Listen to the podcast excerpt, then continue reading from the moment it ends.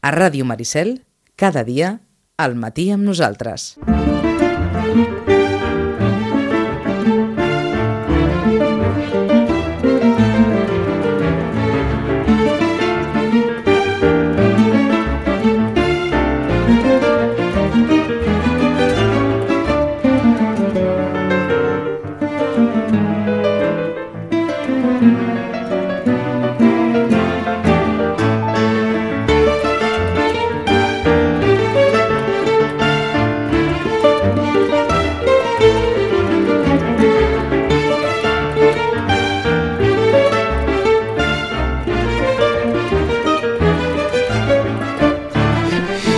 Rosana està arribant al telèfon, no pateixin, eh?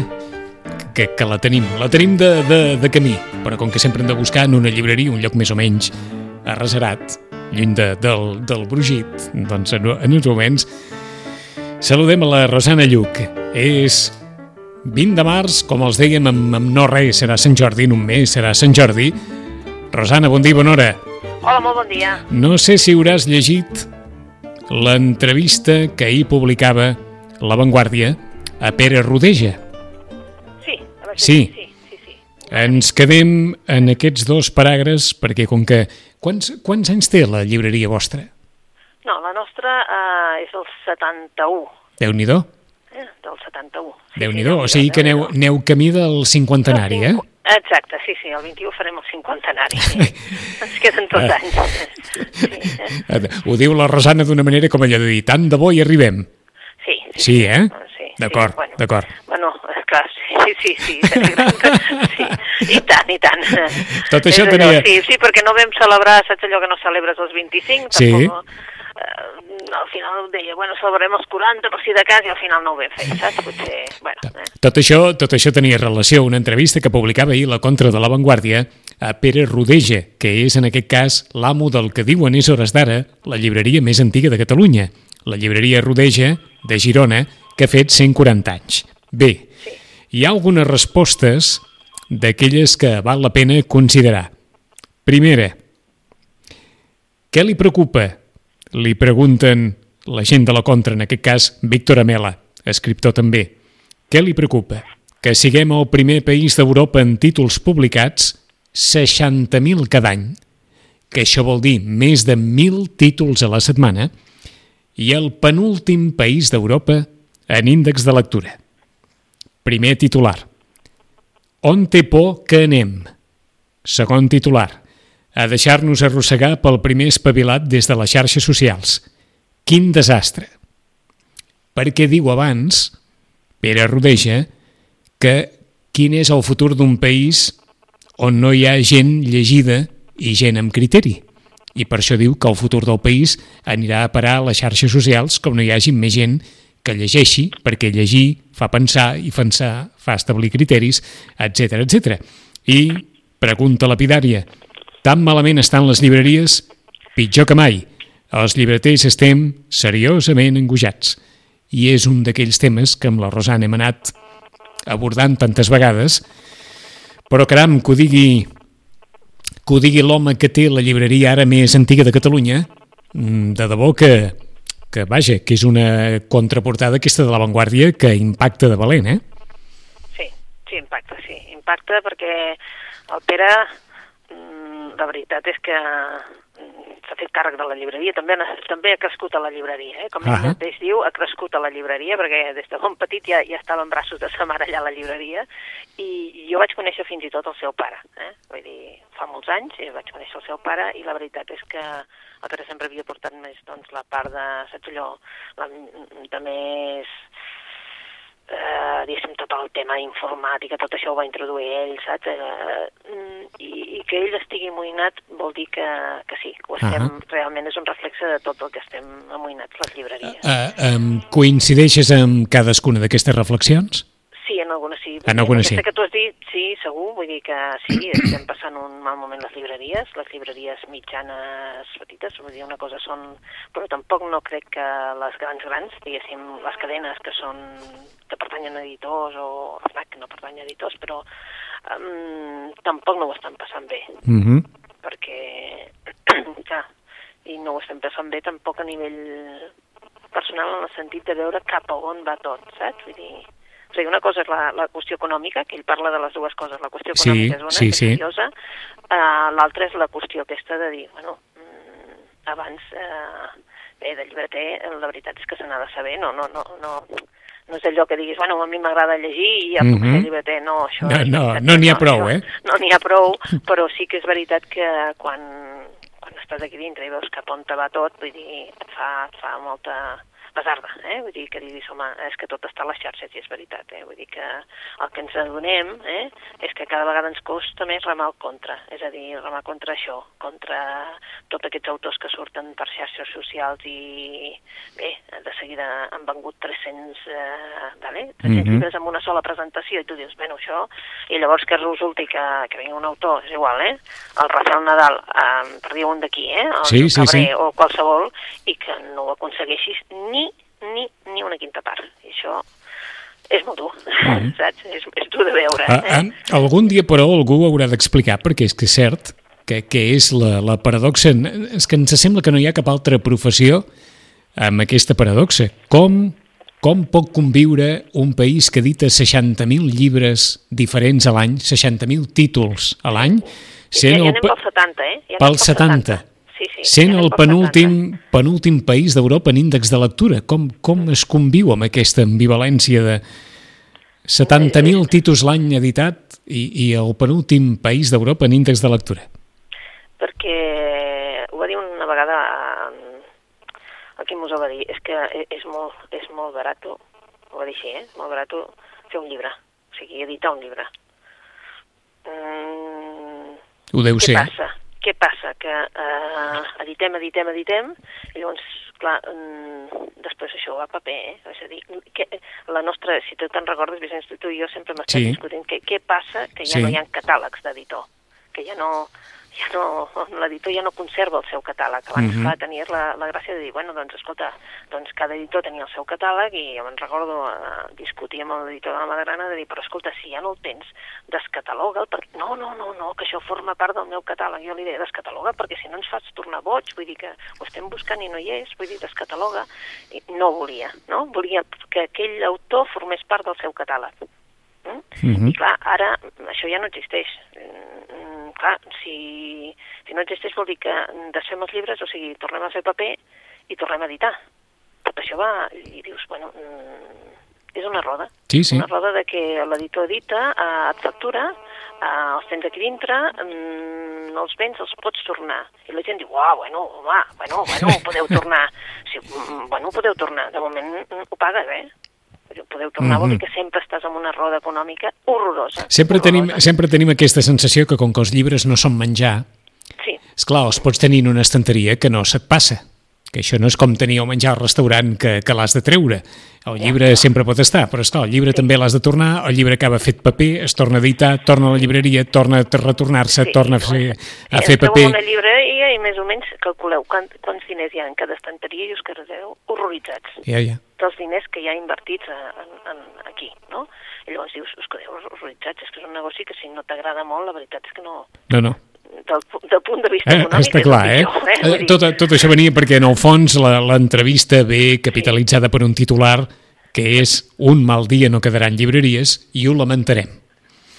Bueno, perquè tu saps el que està passant també, vull dir que aquesta immediatesa que necessitem de tot, de tot, eh? No, no, no només dels llibres, de tot. Necessitem que tot sigui immediat, ja, ho volem ja.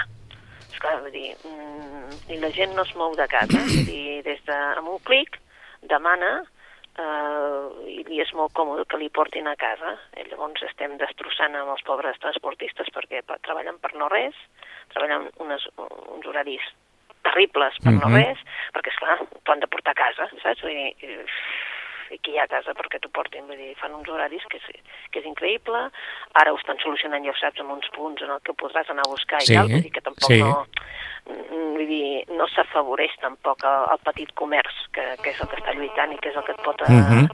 no, aconsellar aquest o l'altre i tal. Bueno, la gent s'està acostumant a, fer, a, comprar Sí. d'una altra manera, a viure d'una altra manera, i, i és dur, però I, i hi, ha una, hi ha una cosa que no ha canviat per això, eh? Que un llibre es triga a llegir el que es triga.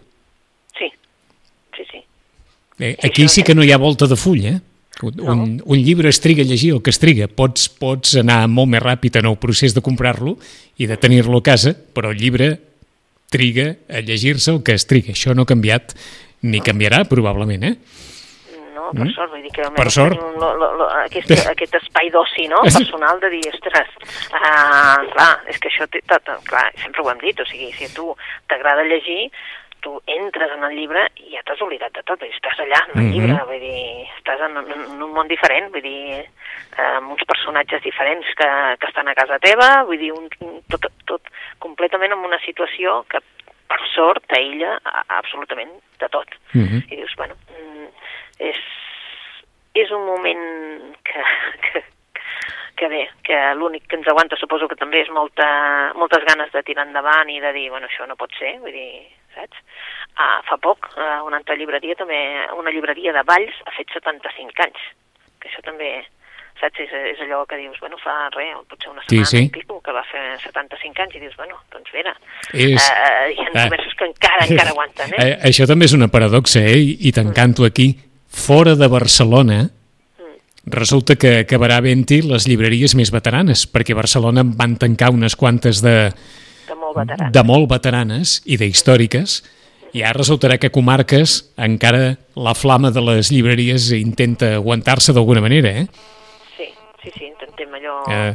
de, de dir, bé, bé, bé, s'ha de batallar, s'ha de batallar, sí. Doncs... Suposo que també és, no? Uh, volem... Nosaltres ens ho creiem, això del comerç de proximitat, eh? el, el comerç en el que tu pots anar a consultar, mirar, veure què hi ha, què, què no hi ha i, i, i tocar-ho, no? I clar, doncs suposo que serà una mica això que tu dius. Uh -huh. eh? Per on comencem avui, Rosana? Doncs bé, comencem... no sé per on te podíem començar. Mira, a mi m'ha cridat, cridat l'atenció sí. un llibre que es va presentar ahir.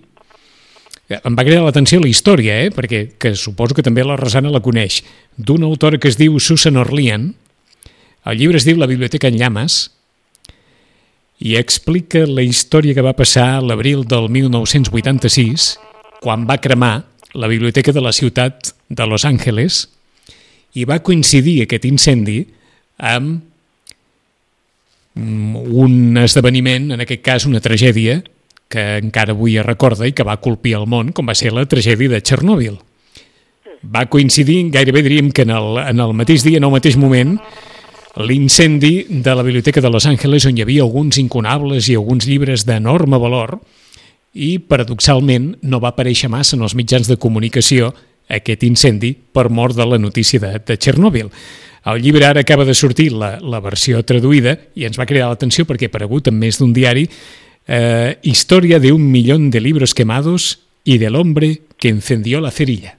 La biblioteca en llames. Sortit ahir mateix, ahir, ahir 19 de, de març. Sí, sí, és, és un, Yeah. Jo no l'he llegit, eh, perquè no. és això, va sortir ahir, uh -huh. i, però sí que també em va cridar la curiositat de veure això, doncs que... Mm, com va passar, com va quedar arroconat per les circumstàncies Vaja, l'incendi de la biblioteca pública d'una capital com, com Los Angeles, eh? Com I... Los Angeles, sí, sí, i de les biblioteques que ells tenen, eh? Que tenen unes biblioteques que de vegades dius, mare de Déu, eh? Importantíssimes, eh? Vull dir, de fons, compren fons i, i tenen molt de fons també nostre. Vull dir que també dius, carai... Que, com és quin, això? Quin poder de compra, eh? Que tenen quin poder de compra. Eh? doncs sí, sí, eh, també una mica, et fa una mica de d'això de dir, bé, i com pot ser que, no? Uh -huh. Que mhm. les notícies no ens donguessin, o sigui, que els diaris no se'n fessin, o els mitjans de comunicació, no només els diaris, vull dir que tots els mitjans de comunicació no se'n fessin ressò d'una cosa tan greu com aquesta. Com no? aquesta? Doncs sí. un, un dels llibres, un dels molts títols d'aquests 70.000 a l'any, doncs un dels que va sortir ahir. Per on vols començar, Rosana? Bé, doncs comencem potser per, uh, per un autor que ja esperàvem, que esperàvem moltíssim, que és el Pierre Lemaitre. Uh mhm. -huh. El Pierre Lemaitre uh, el coneixem com a autor de Ens veiem allà dalt, el primer llibre que vam conèixer, després n'hem conegut una sèrie de llibres policiacs, eh? en el que hi havia una tetralogia, eh? que hi havia Àlex, i era una tetralogia, però eh, després també va publicar un altre que també era Recursos inhumans, El vestit de núvia, i ara ens apareix la nova novel·la de l'autor de Nos vemos allà arriba, és a dir, que continua continua eh, el, el llibre de Nos vemos allà arriba. Ah Els colors de l'incendi del Pierre Lemaitre acaba de sortir, bé, fa uns qüestió potser de 10, 10 12 dies, deu fer, i bé, mm, tots l'esperàvem, tots aquells que vam llegint ens veiem allà dalt, esperàvem ara a, a, a aquest. Eh? Aquest no és Premi Goncourt, el Premi Goncourt va ser el ens veiem allà dalt, però la veritat és que el Pierre Lemaitre es torna a sorprendre una altra vegada amb un llibre eh, increïble, no?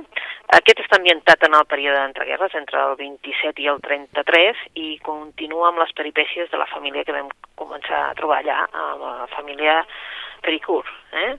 Uh, com s'inicia? Bueno, uh, s'inicia d'una manera, la novel·la una manera una mica còmica, còmica malgrat que estem en un funeral, eh? El funeral del patriarca de la família, el Marcel, és una família d'aquella que està convidada absolutament tothom, tothom vol dir les primeres autoritats del país i, clar, mmm, tots aquells que aspiren a ser algú també hi són.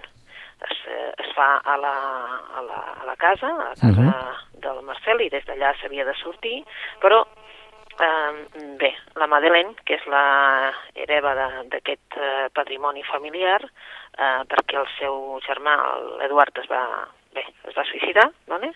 Mm, que és aquell heroi desfigurat i bé, la Madeleine es troba totalment sola, perquè el seu marit és un marit estafador, vale? mm, que està a la presó, i té un nen, el Pol.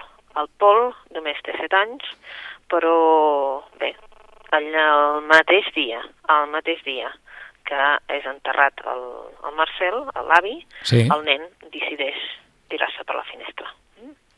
Um, clar, va parar sobre el, sobre el taüt, bé, és una cosa que hauria de ser molt sèria, acaba sent com una, saps allò, una comèdia, però que no és comèdia perquè el nen, doncs, evidentment, doncs, l'han de portar a l'hospital, etc. Uh -huh.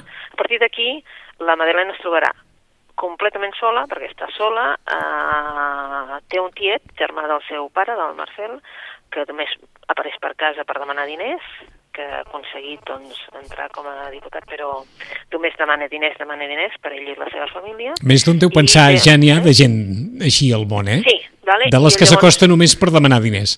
Sí, llavors aquí eh, apareix una persona que era l'ajudant, diguéssim, del Marcel Pericourt, eh? que jugarà un paper doncs, que és increïble, saps? En, el, en la novel·la, mm, un paper de bé, de fer-se valer al seu lloc i bé, mm, és un tio mm, codiciós i llavors hi haurà traïcions, xantatges, artimanyes, eh, eh, hi haurà una mica de tot fins que, bé, les dones quan es vengen són implacables i la Madeleine li tocarà venjar-se. És Els colors de l'incendi trobem una altra vegada una novel·la, saps, allò um, increïble, una novel·la en la que passem allò de, del somriure a dir carai, carai, el que està passant, no? Però en definitiva una novel·la en la que veiem doncs, una mica doncs, la societat, la societat eh, benestant, el període d'entreguerres, com s'aprofiten de la gent, mm, qui, com una persona sense escrúpols pot eh, aprofitar-se d'una altra persona i deixar-la sense res, etc etc. Els colors de l'incendi és una novel·la que us allò que tu deies que es triga, el que es triga sí. llegir un llibre, mm, no trigues massa, malgrat que el llibre no, no, no és curtet, eh, té més de 4, unes 430 pàgines, una cosa, però realment te'l te l'empasses, eh? Uh, és allò, no? Ell s'ha tirat molts anys per fer el llibre de, del Pericur i nosaltres, mm -hmm. amb un tres i no res, se l'hem llegit. Eh? Suposo que, eh, a partir del que ens deies, val la pena llegir primer Ens veurem allà dalt i després Els colors de l'incendi? Sí, sí, sí, sí, val la pena, eh? Val la pena perquè és un gran llibre, no ens veiem allà dalt, o sigui, tu passes molt i molt bé, a més a més, mm, la veritat és que coneixes coses de, de la història que dius, mm, sí, sí, són perfectament creïbles, vale? de com van enterrar la gent i, i de com eh, ens recordem més de la gent que ha caigut eh? i que que són molt importants perquè són els morts que, ens, doncs, que han caigut en el front, no? Però la gent que torna, realment la, la gent que torna, llavors es van trobar que no tenien diners per atendre'ls. Eh? D'acord. Què va passar? Eh? O sigui que... És una novel·la molt important. Tot i que la novetat sigui els colors de l'incendi, val la pena començar per Ens veurem allà dalt i després els colors de l'incendi. Per on seguim, ah, Rosana? seguim pues, per una novel·la policiaca, per una novel·la que ja recordarem, és de dos autors, Hort and Rosenfeld, eh? i bé, eh, és una sèrie, és la sèrie Berman. La sèrie Berman és d'aquelles novel·les així molt entretingudes, molt entretingudes, perquè el personatge principal no és un policia, sinó que és el psicòleg, el Sebastian Berman. Uh -huh. El Sebastian Berman n'ha fet de tots els colors, és d'aquells que no voldries pas tenir-lo com a company de feina, però li reconeixes que és mm, brillant. Eh? Uh, bé, el Sebastian Berman ja no treballa amb la, la unitat d'homicidis, ell ara es dedica bé, a donar conferències sobre el tema, etc etc.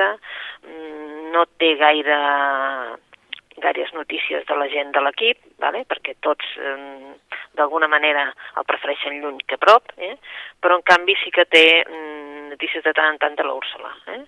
Um, tampoc la Banja, la seva filla, tra tampoc tra treballa a la unitat i ara està investigant una sèrie d'abusos a dones.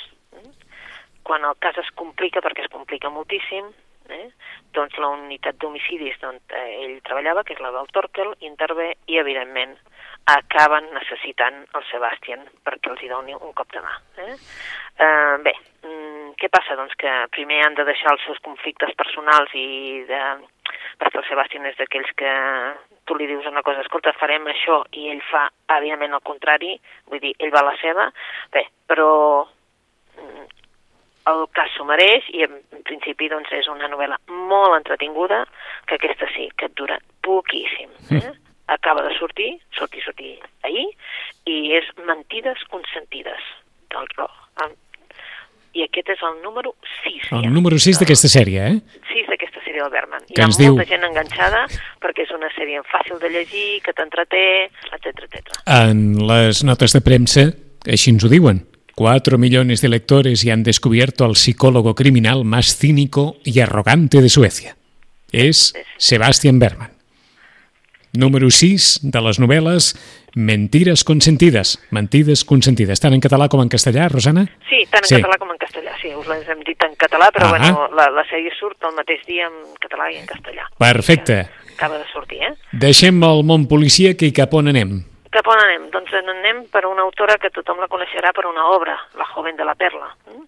Bé, La joven de la perla va ser aquella obra de la Tracy Chevalier que tothom va conèixer, que després es va fer pel·lícula, etc etc i que, bé, quan veiem un quadre doncs ja la veiem amb ella. Ahà. Bé, doncs ara ens apareix una altra novel·la, una novel·la, aquest any hi ha moltes novel·les en què les protagonistes són dones, és veritat, i aquestes són dones, unes dones diferents per això. Una, és una novel·la sobre l'amistat entre dues dones, dues dones científiques, eh? perquè esclar, eh? um, de dones literàries, etc etc sí que n'hi ha de novel·les, però en canvi aquestes són mm, dues dones que s'han d'obrir pas en un món dominat pels homes. Eh? Mm, molt abans de, del Darwin hi van haver mm, que ja es preguntava, ja es preguntava sobre l'origen d'on veníem, eh? i aquí trobarem dues dones, la Mary Anning, eh, una noia pobra i sense educació, i una altra noia, l'Elisabeth Phillip, que és una solterona de classe mitjana, mm, que a partir de tenir una amistat entre elles, eh, tenen una única passió, buscar eh, restes de vida en els fòssils i revelar d'on venim, de la, la història del nostre passat. És una novel·la d'allà entretinguda, um, que ens vol posar sobre la taula el fet de que també les dones han estat en el món científic, el que passa és que no, no n'hem conegut i realment és un, un, una novel·la com les que ens saps fer la Mhm. Tracy Chevalier. Eh? La novel·la es titula Las huellas de la vida. Les huelles de la vida. de la vida. El que estan buscant ells és, són això, precisament, eh, no? restes de vida que els hi puguin donar eh, pistes de on venim. Mhm. De l'autora de La joven de la perla, Les huelles de la vida.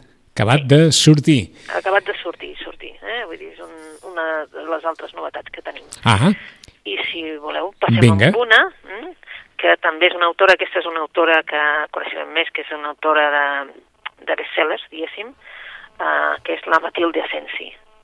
la Matilde Asensi és, va ser una autora que anava publicant el Salón de Àmbar, etc etc fins que va publicar l'últim Catón, que va ser una de les obres més llegides, eh?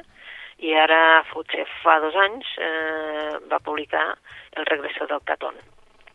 Ara marxa, marxa d'aquest tema, mm, marxa el tema Església, mm, eh, una monja que surt del, mm, de la iglesia per casar-se i per eh, continuar investigant, etc etc. tot això marxem i se n'anem al tema Van Gogh. Eh? La novel·la es diu Sakura i això comença amb el 1990, el, el retrat del doctor Gachet del Van Gogh és subestat a, a Christie's per, uh Mhm. -huh. bueno, per una xifra d'allò espectacular, eh? I ho va comprar un empresari japonès. Eh? Mm, ell eh, va començar en una roda de premsa mundial, va anunciar que el, el, el quadre desapareixeria amb ell perquè el seu govern estava intentant posar-li uns impostos que realment no pensava pagar. Eh? Mm, Bé, mm, des de la seva mort al 96 eh, no se sap res més i, i bé, i la Matilde Sensi el que novel·la és la búsqueda i dona resposta a moltes de les incògnites del, de la desaparició. Uh, tenim aquí de tot, eh? una galeria, un, evidentment també amb la direcció de japonesos, mm, persones que, que tindrà al seu voltant, una infermera, un... bé, eh, molta gent, eh, evidentment, passant aventures, fent de tot per saber on ha anat a parar el quadre. Mm -hmm. I aquesta és la última novel·la de, de Matilde Asensi, que el que més sorprèn, evidentment, són els colors, i són colors Van Gogh. Eh? Perquè l'empresari va desaparèixer finalment? Sembla que sí. Sembla que sí. Sí, sí. Quina portada més bonica té aquest llibre. Sí, sí, sí, té una portada molt bonica. Sense ser Van Gogh, eh, eh, inspira Van Gogh absolutament, eh? Inspira, eh? Sí, és molt bonica, per això et deia, la portada és molt Ahà. bonica i ens porta amb això. Eh? La Matilde Asensio ha canviat de registre, ha canviat de temes i també ha canviat d'editorial, perquè ara la publica Esfera de los Libros i ella era una autora de, de Planeta. O sigui que ha canviat absolutament de tot. Doncs no hem marxat massa del misteri, tampoc, eh? No, no, No. però aquests potser més aventures, Ah. saps? Perquè ella sempre va, va sempre cap a la part més d'aventura, de, saps? De, bueno, de- d'intriga però d'aventura, Ahà. no, de, no tant de, de misteri, d'allò de policies i serenos. de llavis i Doncs Serenos, eh? Sakura de Matilde Asensi i podem acabar amb... Bueno, acabaríem amb una clàssica, eh? Vinga. Amb la Dona León, eh? Ah, Per què? Home, perquè és que se n'anem a Venècia, i Venècia és allò, no? Hm. Venècia és Venècia, és allò que dius, mm, on te voldries estar? Hombre, pues, eh, a prop de Venècia. Eh? Eh, ens parlen d'un persona, del Gonzalo Rodríguez de Tejeda, mm?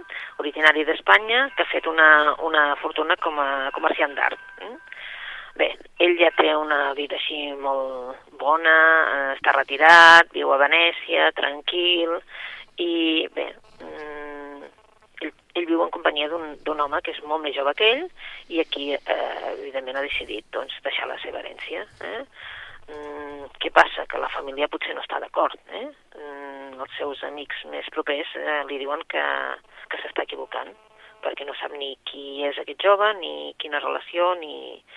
I bé, el sogre del Brunetti, eh, que sempre es posa pel mig, eh, Mhm. eh, és un amic personal d'aquest senyor de Gonzalo Rodríguez de Tejeda i per tant eh, té un pressentiment i llavors li demana ajuda amb el Brunetti perquè investigui eh, um, un crim, un crim ocorregut en, el, en, els, en el, un dels hotels més luxosos de, de Venècia. Es diu En el nombre del hijo, en nom del fill, surt en català i castellà alhora perquè és que, clar, en definitiva la, la dona León té una sèrie de, de seguidors terribles que ja l'esperen per dir, bé, com a mínim se n'anem cap a Venècia. Mm? aquesta Venècia inesgotable, eh? Sí, aquesta Venècia inesgotable, aquesta Venècia també, que aquesta, aquest tipus de novel·la és una novel·la light, una novel·la light en el sentit de que el comissari Brunetti té família, eh? o sigui, ell ha d'anar a sopar com a mínim o a dinar, és d'aquells que si poden va a dinar, va a sopar a casa, um, té fills, té dona, mm, és, és light en aquest sentit, eh? no és d'aquells eh, que dormen a la comissaria, que es canvien a la comissaria, que no, Eh? És aquest, I és aquesta Venècia més benestant que el Brunetti ha de ser mantimanigues per estar bé amb el seu sogre, eh? que no l'acceptarà mai perquè ell no és de classe alta i que sempre ell vol quedar bé amb el seu sogre. Eh? Doncs anem a fer un repàs a totes aquestes recomanacions, algunes d'elles vinculades al món de la novel·la policíaca. Comencem pel final de Donna Leon en el nombre del hijo, aquesta història del de, conflicte d'una herència que amaga diferents crims que el comissari Brunetti, òbviament, haurà de resoldre. De Matilde Asensi, Sakura, aquesta història de l'empresari que va comprar un Van Gogh que subestava Christie's, el retrat del doctor Gachet, i a partir d'aquí, a través d'un conflicte amb l'estat japonès, l'home es va fer fonedís i al quadre vagin a saber la història de com es va arribar a, a recuperar aquesta obra de Tracy Chevalier, de la dona de la joven de la perla, Les huelles de la vida. Aquesta és la història de dues dones que investiguen sobre l'origen de, de la vida, ja molt abans de les teories de Darwin. Per tant, una història també que fa valer l'amistat entre dues dones. Novel·la policíaca, continuen encara una... Vaja, perquè això és una font literal de novel·les, les històries de comissari Berman, de Sebastian Berman, aquest, eh, aquest psicòleg criminal cínic i arrogant. No és comissari, però gairebé com si ho fos, o exerceix de comissari. Mentides consentides és el sisè volum d'aquesta sèrie de Berman. I finalment, també ens ha recomanat la Rosana el darrer llibre de Pierre Lemaitre, de l'home de Ens veiem allà dalt, ara Els colors de l'incendi, una història també d'una família a partir d'una situació luctuosa d'un enterrament. En 15 dies tornaran els temps dels llibres. Rosana, fins d'aquí 15 dies. Fins d'aquí 15 dies. Adéu-siau. Bona lectura.